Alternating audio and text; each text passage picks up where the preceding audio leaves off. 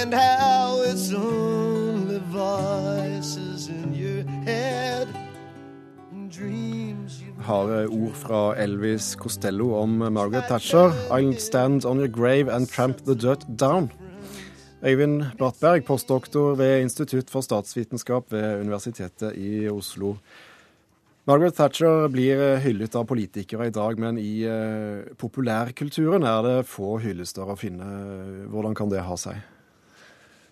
Det har å gjøre med hennes uh, rolle som en veldig kontroversiell uh, figur, veldig kontroversiell lederskikkelse, og et populært hatobjekt, vil jeg, vil jeg si, i deler av populærkulturen. Og et veldig yndet hatobjekt, fordi man på 1980-tallet gikk inn i en, en uh, politisk fase hvor ting ble mye mer eh, svart-hvitt, eller blått-rødt, om du vil. Og hvor det var mye lettere å plassere hvem som var på ens egen side, og hvem som var motparten. Og Thatcher som populærkulturell figur bærer veldig sterkt preg av det. Artister som Morrissey og Paul McCartney laget også protestviser mot Thatcher. Hvor kraftfull var protestbevegelsen mot henne, som, som disse låtene da er en del av? Den var, var sterk i denne fasen på, på 80-tallet, og den bar preg av en, en ganske underlig blanding av genuin arbeiderkultur og en del sjølproletarisering, om du vil. Eh, hvor det var middelklasse, frie middelklassefolk og artister som, som da erklærte seg som del av, av arbeiderklassen og den på en måte den tradisjonelle nordengelske kulturen spesielt, som de mente at Thatchers nyliberale regime var en trussel mot. Og det var en, en, eh, det var en bevegelse som det svingte av, svingte kraftig av veldig lenge, men som fikk liten politisk betydning. I hvert fall bidro den ikke spesielt til at det, det politiske spillet endret seg. Hvordan vil du si eh, Margaret Thatcher preget samtidskulturen?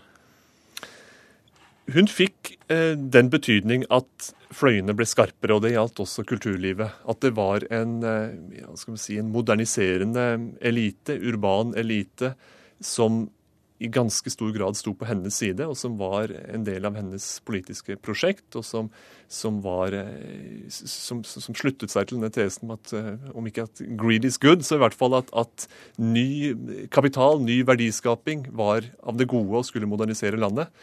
Og de sto i en tett krets rundt Thatchers politiske prosjekt, mens det var andre deler av det tradisjonelle og spesielt eh, arbeiderklasseorienterte, sosialistisk orienterte Storbritannia som gikk i, i vranglås, og som hadde henne som sitt hatobjekt. Eh, Thatcher har jo eh, blitt portrettert i en rekke filmer og, og TV-serier, sist i filmen The Iron Lady, altså Jernkvinnen. Hva slags ettermæle får hun i populærkulturen nå, tror du? Det er et interessant uh, spørsmål. Man kan jo tenke at mye har blitt, uh, blitt, polert og avrundet gjennom den tiden som har gått siden hun, uh, hun gikk av eller trakk seg som, som statsminister. og spesielt i perioden med New Labour så ble det jo andre rammer for kulturlivet. Det ble mer konstruktivt syn da, på, på, hopehavet mellom stat og kulturliv. At man fikk sterkere subsidier og sterkere fellesskap og osv.